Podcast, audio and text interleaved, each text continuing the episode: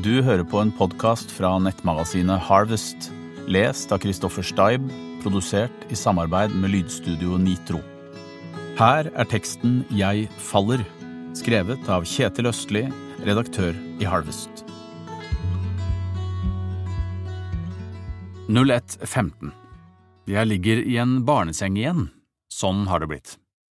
Det hender jeg bytter seng tre–fire ganger på en natt, men jeg liker denne.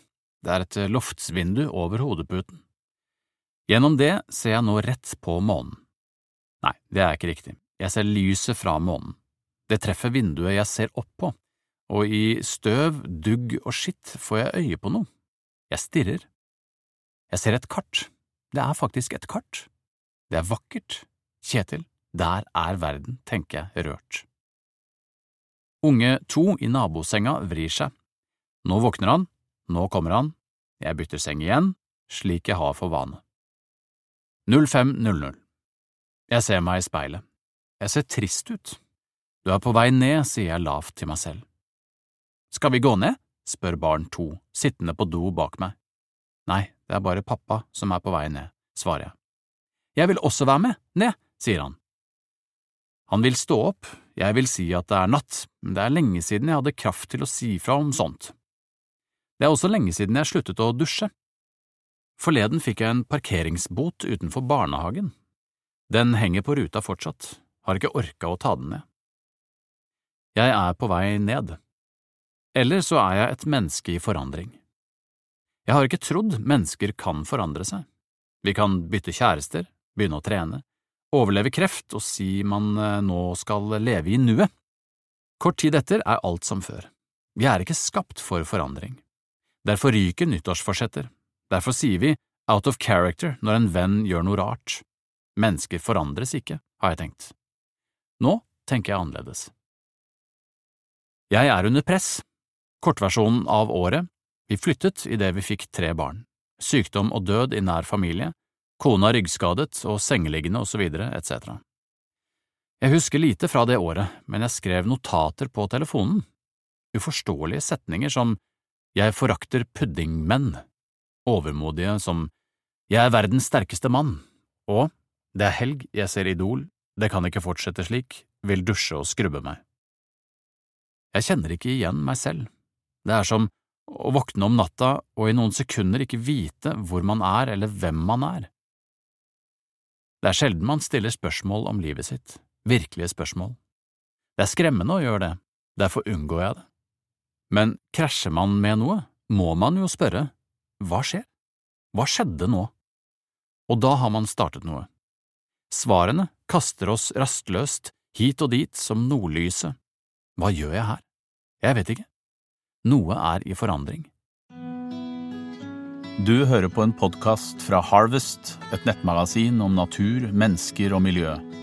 Gå inn på www.harvestmagasin.no hvis du ønsker å bli abonnent. Jeg står opp, lager frokost til fem, så våkner huset. Vann i rør, toalett trekkes opp, planker knirker. Små pysjkledde diktatorer sender ut sine krav, lyder fyller huset. Før var jeg en munter fyr som var overalt, nå er jeg innendørs og ser ut. Jeg har vært så mye inne at jeg vet hvor mange kvistmerker det er fra babyens gummimatte til verandadøra, 17 kvistmerker. Jeg er kun ute når jeg går til barnehage og skole og henter pakker på postkontoret. Det blir en del pakker, men som regel er jeg inne. Som regel bærer jeg, for barn tre vil ikke trilles, kun bæres. Jeg er ikke unik. Mange har det mye verre, men dette er meg. Jeg ser på mobilen. Den står på lydløs, men lyser, lyser som en helvetes fontene av lys. La meg være i fred, ikke ring meg. Jeg ser ned på beina mine, der henger allerede et barn. Fra doen roper et annet barn ferdig! Ved kjøkkenbordet søler et tredje barn melk igjen. Jeg holder mobilen slik en spydkaster holder et spyd før rekordforsøket. Pappa, jeg er ferdig! Så løfter jeg hodet, puster dypt inn og speider ut vinduet mot øst, der sola står over hustakene, slik jeg har for vane når det blir mye.